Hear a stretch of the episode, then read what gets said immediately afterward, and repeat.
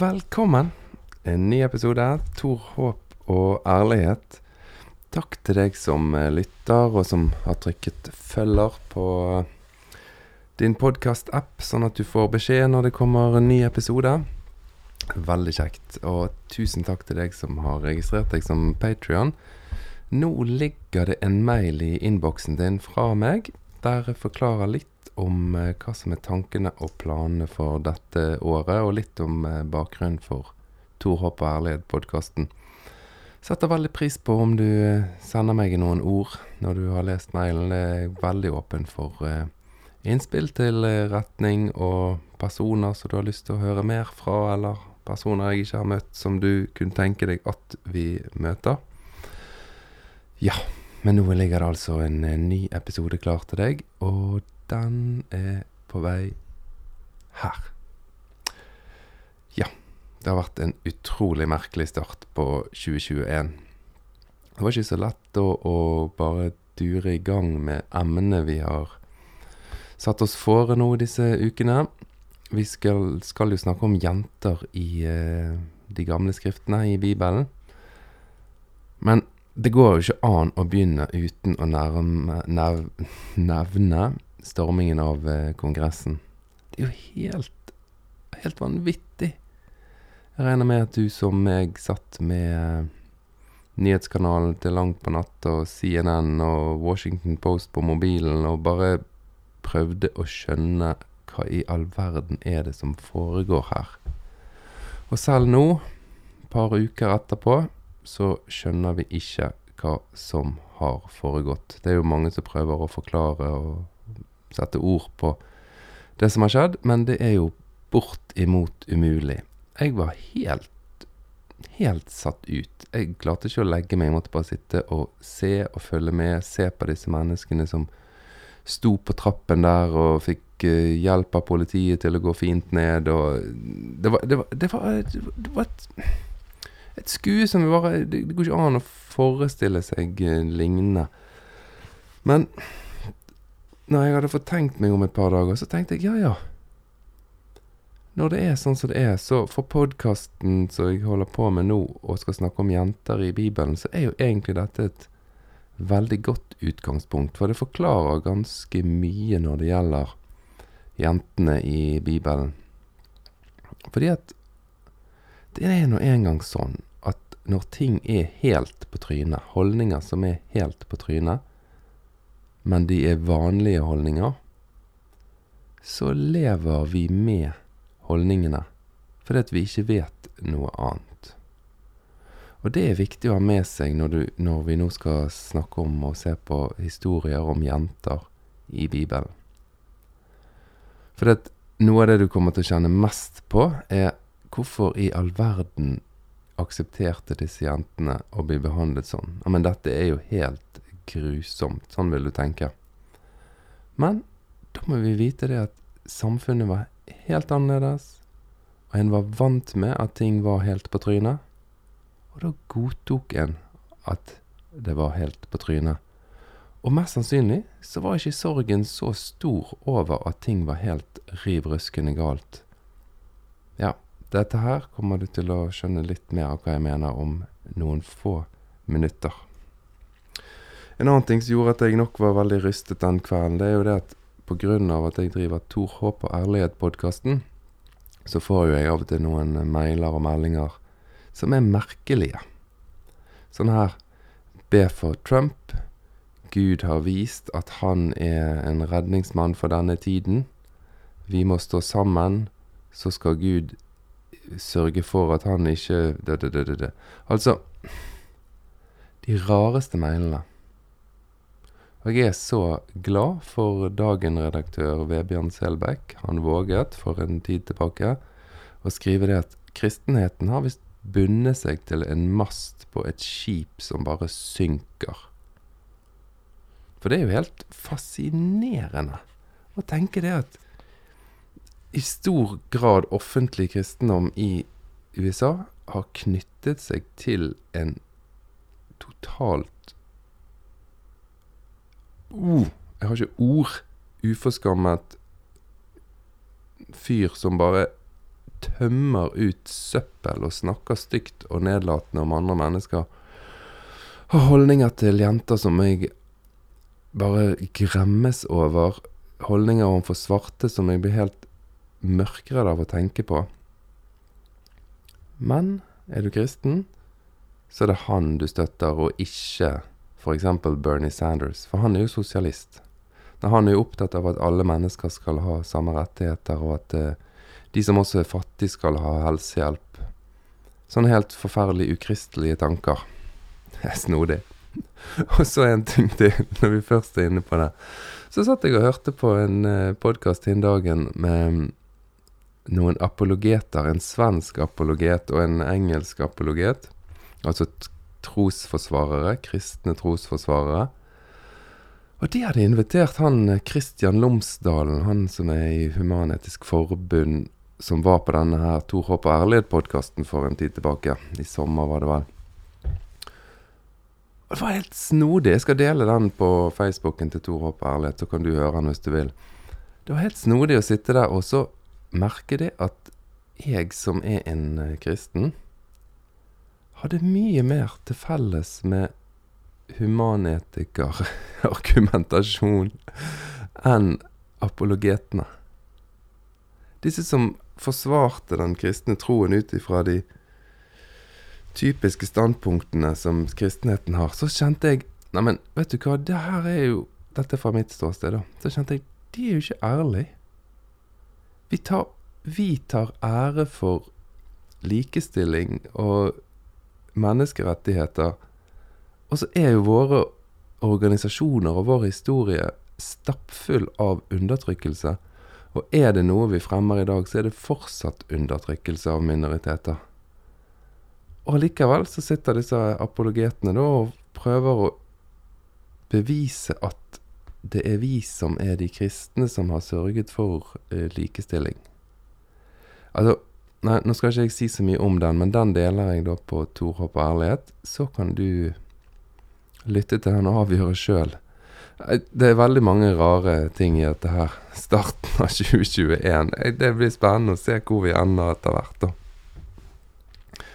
Ja, vi må prøve å komme oss inn på emnet. Eh, jeg har sett det at eh, når vi leser de gamle tekstene i Bibelen, så er det mange myter og fortellinger som er laget for å forklare ulike ting. Alt fra Kain som drepte sin bror, som da måtte rømme fordi at han var fredløs, og han var redd alle folkene, selv om det egentlig ikke var noe folk på jorden i forhold til den fortellingen. Men han ble stamfar til de som ikke var bofast, til de som bor i telt, stemmer ikke det? sånne forklaringer på hvordan ting har blitt til. sant? Vi leste sist gang om Eva, og at hun var den som sørget for at mannen ble fristet til fall. Og så har den fortellingen fått en forklaring med at siden hun gjorde det, så er kvinnen dømt til å føde med smerte. Altså forklaringer på vanlige ting ut ifra myter. Og disse mytene de får en sånn plass at vi eh, si, holder fast med at siden det er sånn, siden dette har skjedd, så har Gud gjort det sånn at det må være sånn. At kvinnen ble skapt etter mannen, og derfor så er mannen sjefen. Eller at eh, de prøvde å bygge et tårn i Babel, og Gud ble så redd for at tårnet skulle komme helt opp til himmelen, så han forvirret folk, sånn at en ikke forsto hverandres språk. Ja, sånn ble språkene til. Og så ser jo jeg at da i den tradisjonen jeg står i, så har det vært vanlig å tenke at ja, dette er riktige forklaringer. Dette er sånn det er. Så kvinnen må være underordnet mannen. Og ja, kvinnen føder med smerte fordi at en har lokket mannen til å spise den frukten som var forbudt. Og så vil vi ikke helt innrømme at det er sånn vi tenker om disse mytene, men de ligger allikevel litt under. På samme måte som disse her demonstrantene, da, selv om de lever i et land der alle mennesker skal ha samme rettigheter, så har de med seg en arv av en kultur der svarte blir behandlet dårligere enn hvite. Altså, du kan jo bare prøve å forestille deg at det var svarte mennesker som stormet kongressbygningen. Altså, det hadde vært annonsert at Black Lives Matter skal ha en demonstrasjon i Washington.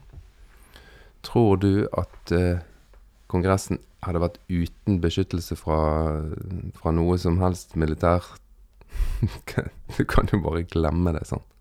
Hadde de nærmet seg, hadde Black Lives Matter-demonstrasjonen nærmet seg Kongressen, hadde de vært skutt rett ned. Sånn er det. Her er det hvite demonstranter sendt av presidenten, og de føler på en rett til å ta seg til rette. Og de blir behandlet helt annerledes enn svarte opprørere og demonstranter. Og dette er holdninger som er sånn fordi at de har blitt så dypt inngravd i kulturen, også med bakgrunn i bibelsk tolkning. Dette har vi vært innom mange ganger.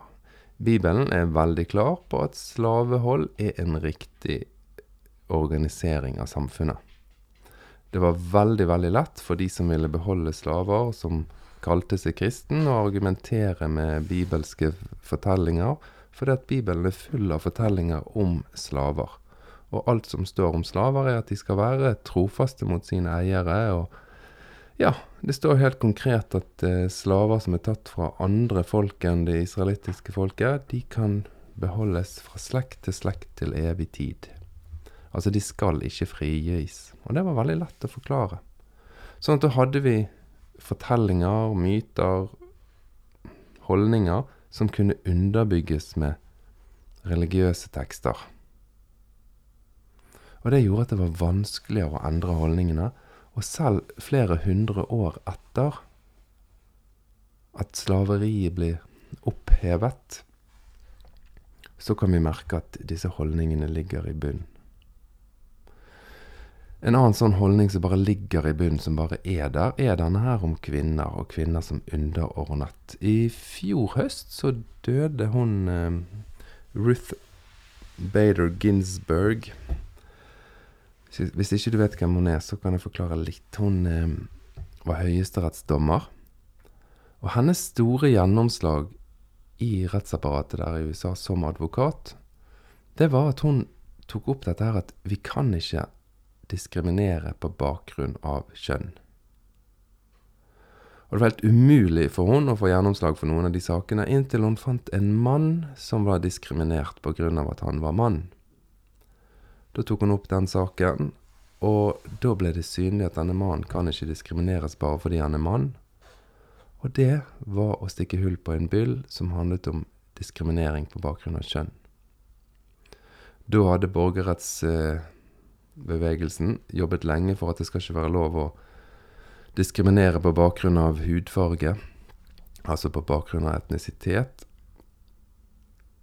Men det var helt nytt å tenke at det skal ikke være lov å diskriminere på bakgrunn av kjønn.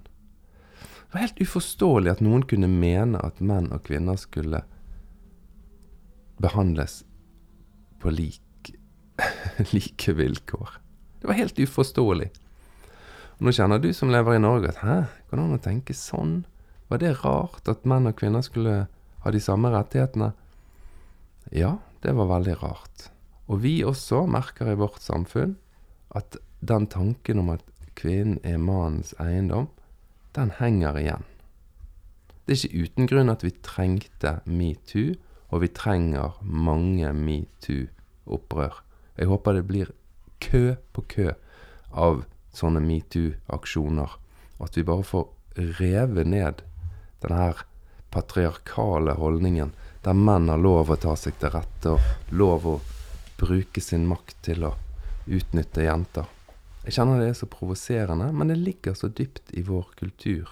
Og det er begrunnet religiøst gjennom århundrer og årtusener.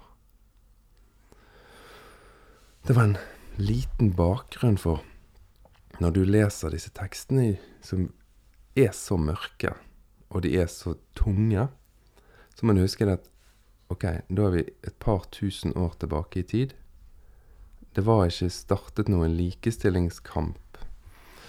Ruth Bader hun døde jo nå i fjor, så det er helt opp i vår tid at det er tøffe tak for at bare ut ifra lovverket så skal menn og kvinner ha samme rettigheter. Så hvis vi da går på og bare begynner i begynnelsen av eh, Bibelen, og så snakker vi om rettighetene til de første kvinnene som vi blir kjent med, så møter vi Sara. Sara var gift med han som er blitt kalt for troens far, Abraham. Og da er det verdt å legge merke til det at eh, Sara, hun blir gitt vekk som en vare to ganger. Ikke mindre enn to ganger. Så er Abraham så redd for sitt eget liv at, hun, at han sier til en konge at ja, men vet du hva, for at du ikke skal drepe meg, ta, ta denne her damen her. Vær så god. Tenk deg det prøv å forestille deg at ok, her er jeg i en situasjon der jeg sliter med å betale lånet på leiligheten. Så jeg møter han i banken, og så sier jeg til han du, eh, kunne du fikset noe avdragsfrihet for meg? Eh, her er Beate. Du kan få hun. Og det fascinerende er at disse forfatterne, de kommenterer ingenting. De kommenterer ingenting om rettighetene til Sara. De skriver at skaperen sjøl griper inn og gir mareritt til denne kongen som da har mottatt Sara. Men at det var fullstendig lovlig og legit å gi vekk en sånn type handelsavtale en kvinne, nei, det er det ingen som reagerer på. For kvinner, de var eiendom. Litt seinere i fortellingen så skjer det samme en gang til. Og litt seinere i fortellingen så kan du lese om at Sara også hadde eiendom. Eiendom som annet besto av en tjenestepike ved navn Hagar. Og Sara hun ønsket å oppfylle det som var kvinnens oppgave på den tiden, nemlig å føde barn for mannen sin. Men det klarte ikke Sara. Hun fikk ikke barn, hun ble ikke gravid. Og da sa lovene på den tiden helt klart at hvis en kone ikke blir gravid, så kan hun bli gravid ved sin tjenestepike. Så forfatterne de skriver helt åpent i at eh, Sara sa til Hagar 'ligg med Abraham'. Så kan du prøve å trekke den fortellingen inn i 2021, Norge, det er et ektepar, de har en au pair. Konen sier til au pairen 'Du, jeg har ikke blitt gravid, nå må du ligge med mannen min'. Den mannen er nesten 100 år gammel.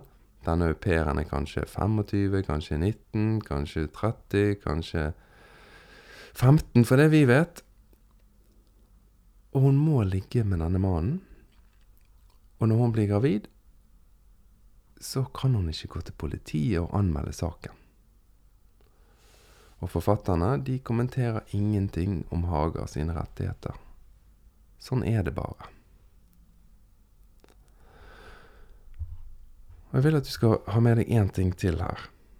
Når vi gjennomgår jenter og ser på jenter i de gamle skriftene, så vil jeg at du skal vite at jenter finnes egentlig ikke i de gamle skriftene. Hm, hva mener du? Det er jo gitt ut masse bøker om kvinner i Bibelen. Ja, men de finnes egentlig ikke. Kari Weiteberg, som er Oslo-biskop, hun har gitt ut en bok som heter 'Saras døtre'.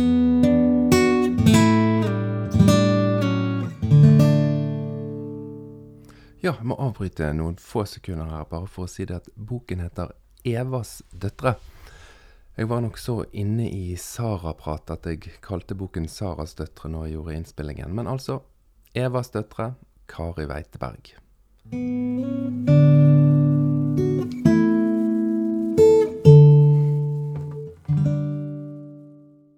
I den så omtaler hun alle kvinner som er nevnt i Bibelen.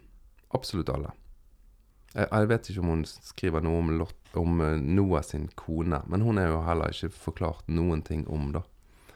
Men ellers, alle kvinner du møter, enten de har navn eller ikke i Bibelen, så skriver Kari Weiteberg om de. Og vet du hvor mange sider den boken nå blir? Den blir på 105 sider med forord. Det er 33 000 vers i Bibelen, og det blir 105 sider når du skriver alt du klarer å finne om de kvinnene som er i Bibelen. Og da skriver du mye mer enn det som står i Bibelen. Da trekker du ut det du kan lære om disse kvinnene, sånn mellom linjene, og ved å tolke litt og tenke litt. Da klarer du å trykke ned 105 sider med meningsfullt innhold om det vi kan vite om disse jentene. Eiendom som bare er der. De fleste kvinnene som er presentert i Bibelen, de er, ma de er konen til en, den mannen, eller søsteren til den mannen, eller en prostituert. Så forfatteren er ikke opptatt av Haga sitt følelsesliv, eller Haga sine rettigheter, eller Haga sine menneskerettigheter. Ingenting. Hun, etter mitt syn, etter våres standard, så utsettes hun for et brutalt overgrep. Men i hennes tid så får hun sikkerhet for fremtiden, for hun blir en medhustru med en mann som kan forsørge, og som kan sørge for at hun ikke blir fritt vilt for alle andre menn. Vi har tid til én liten kommentar til, til de neste jentene vi møter i Bibelen. Og det, da holder vi oss innenfor Første Mosebok tidlig, i Første Mosebok fremdeles.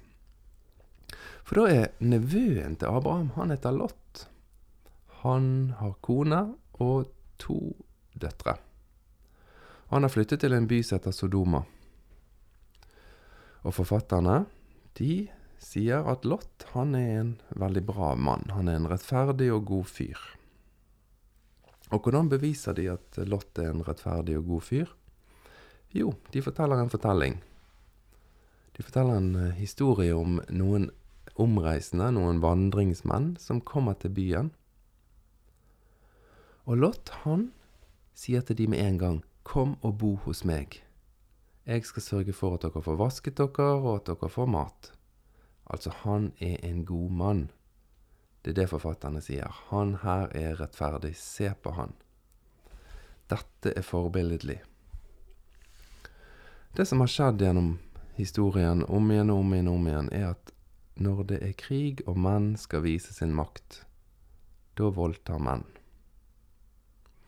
Og menn som voldtar menn, har vist seg å være en eh, Jeg klarer ikke hva ordet skal bruke.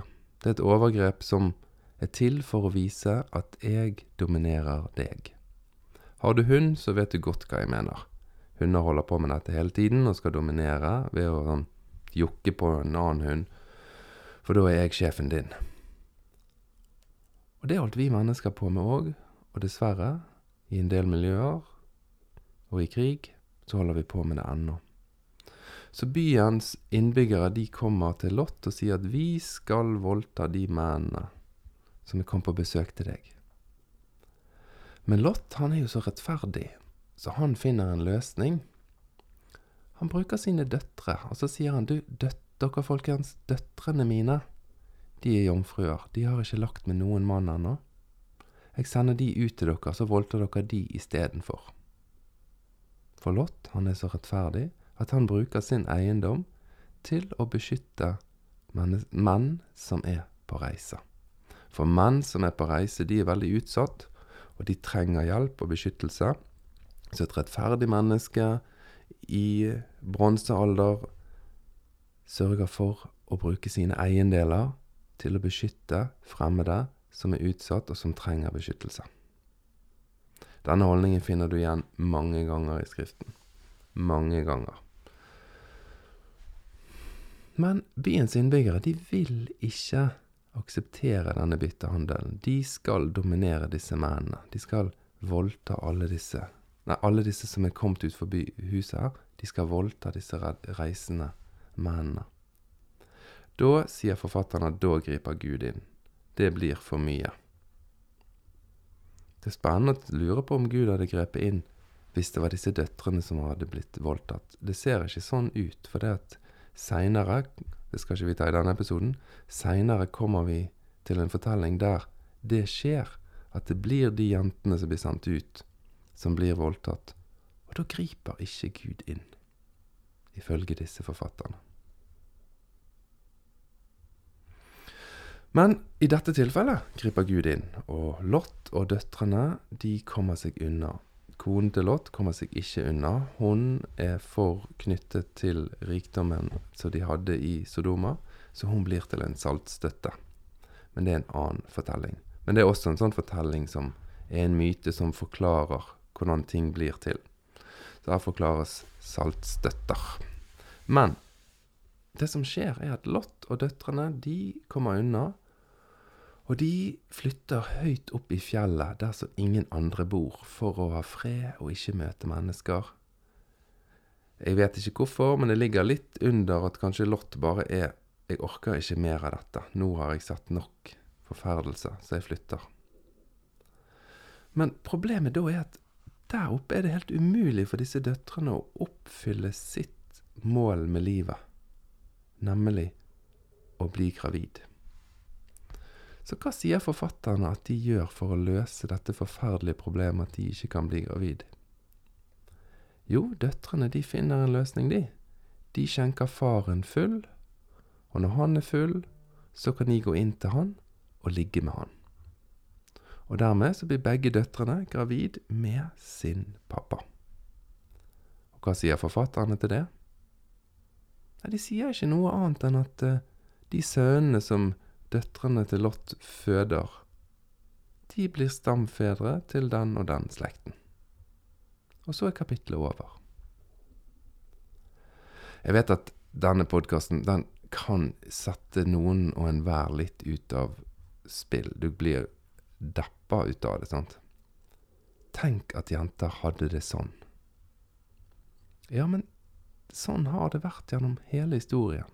Det har hele tiden vært grupper som lever i en helt forferdelig situasjon, og som knapt nok reagerer på at de lever i en forferdelig situasjon.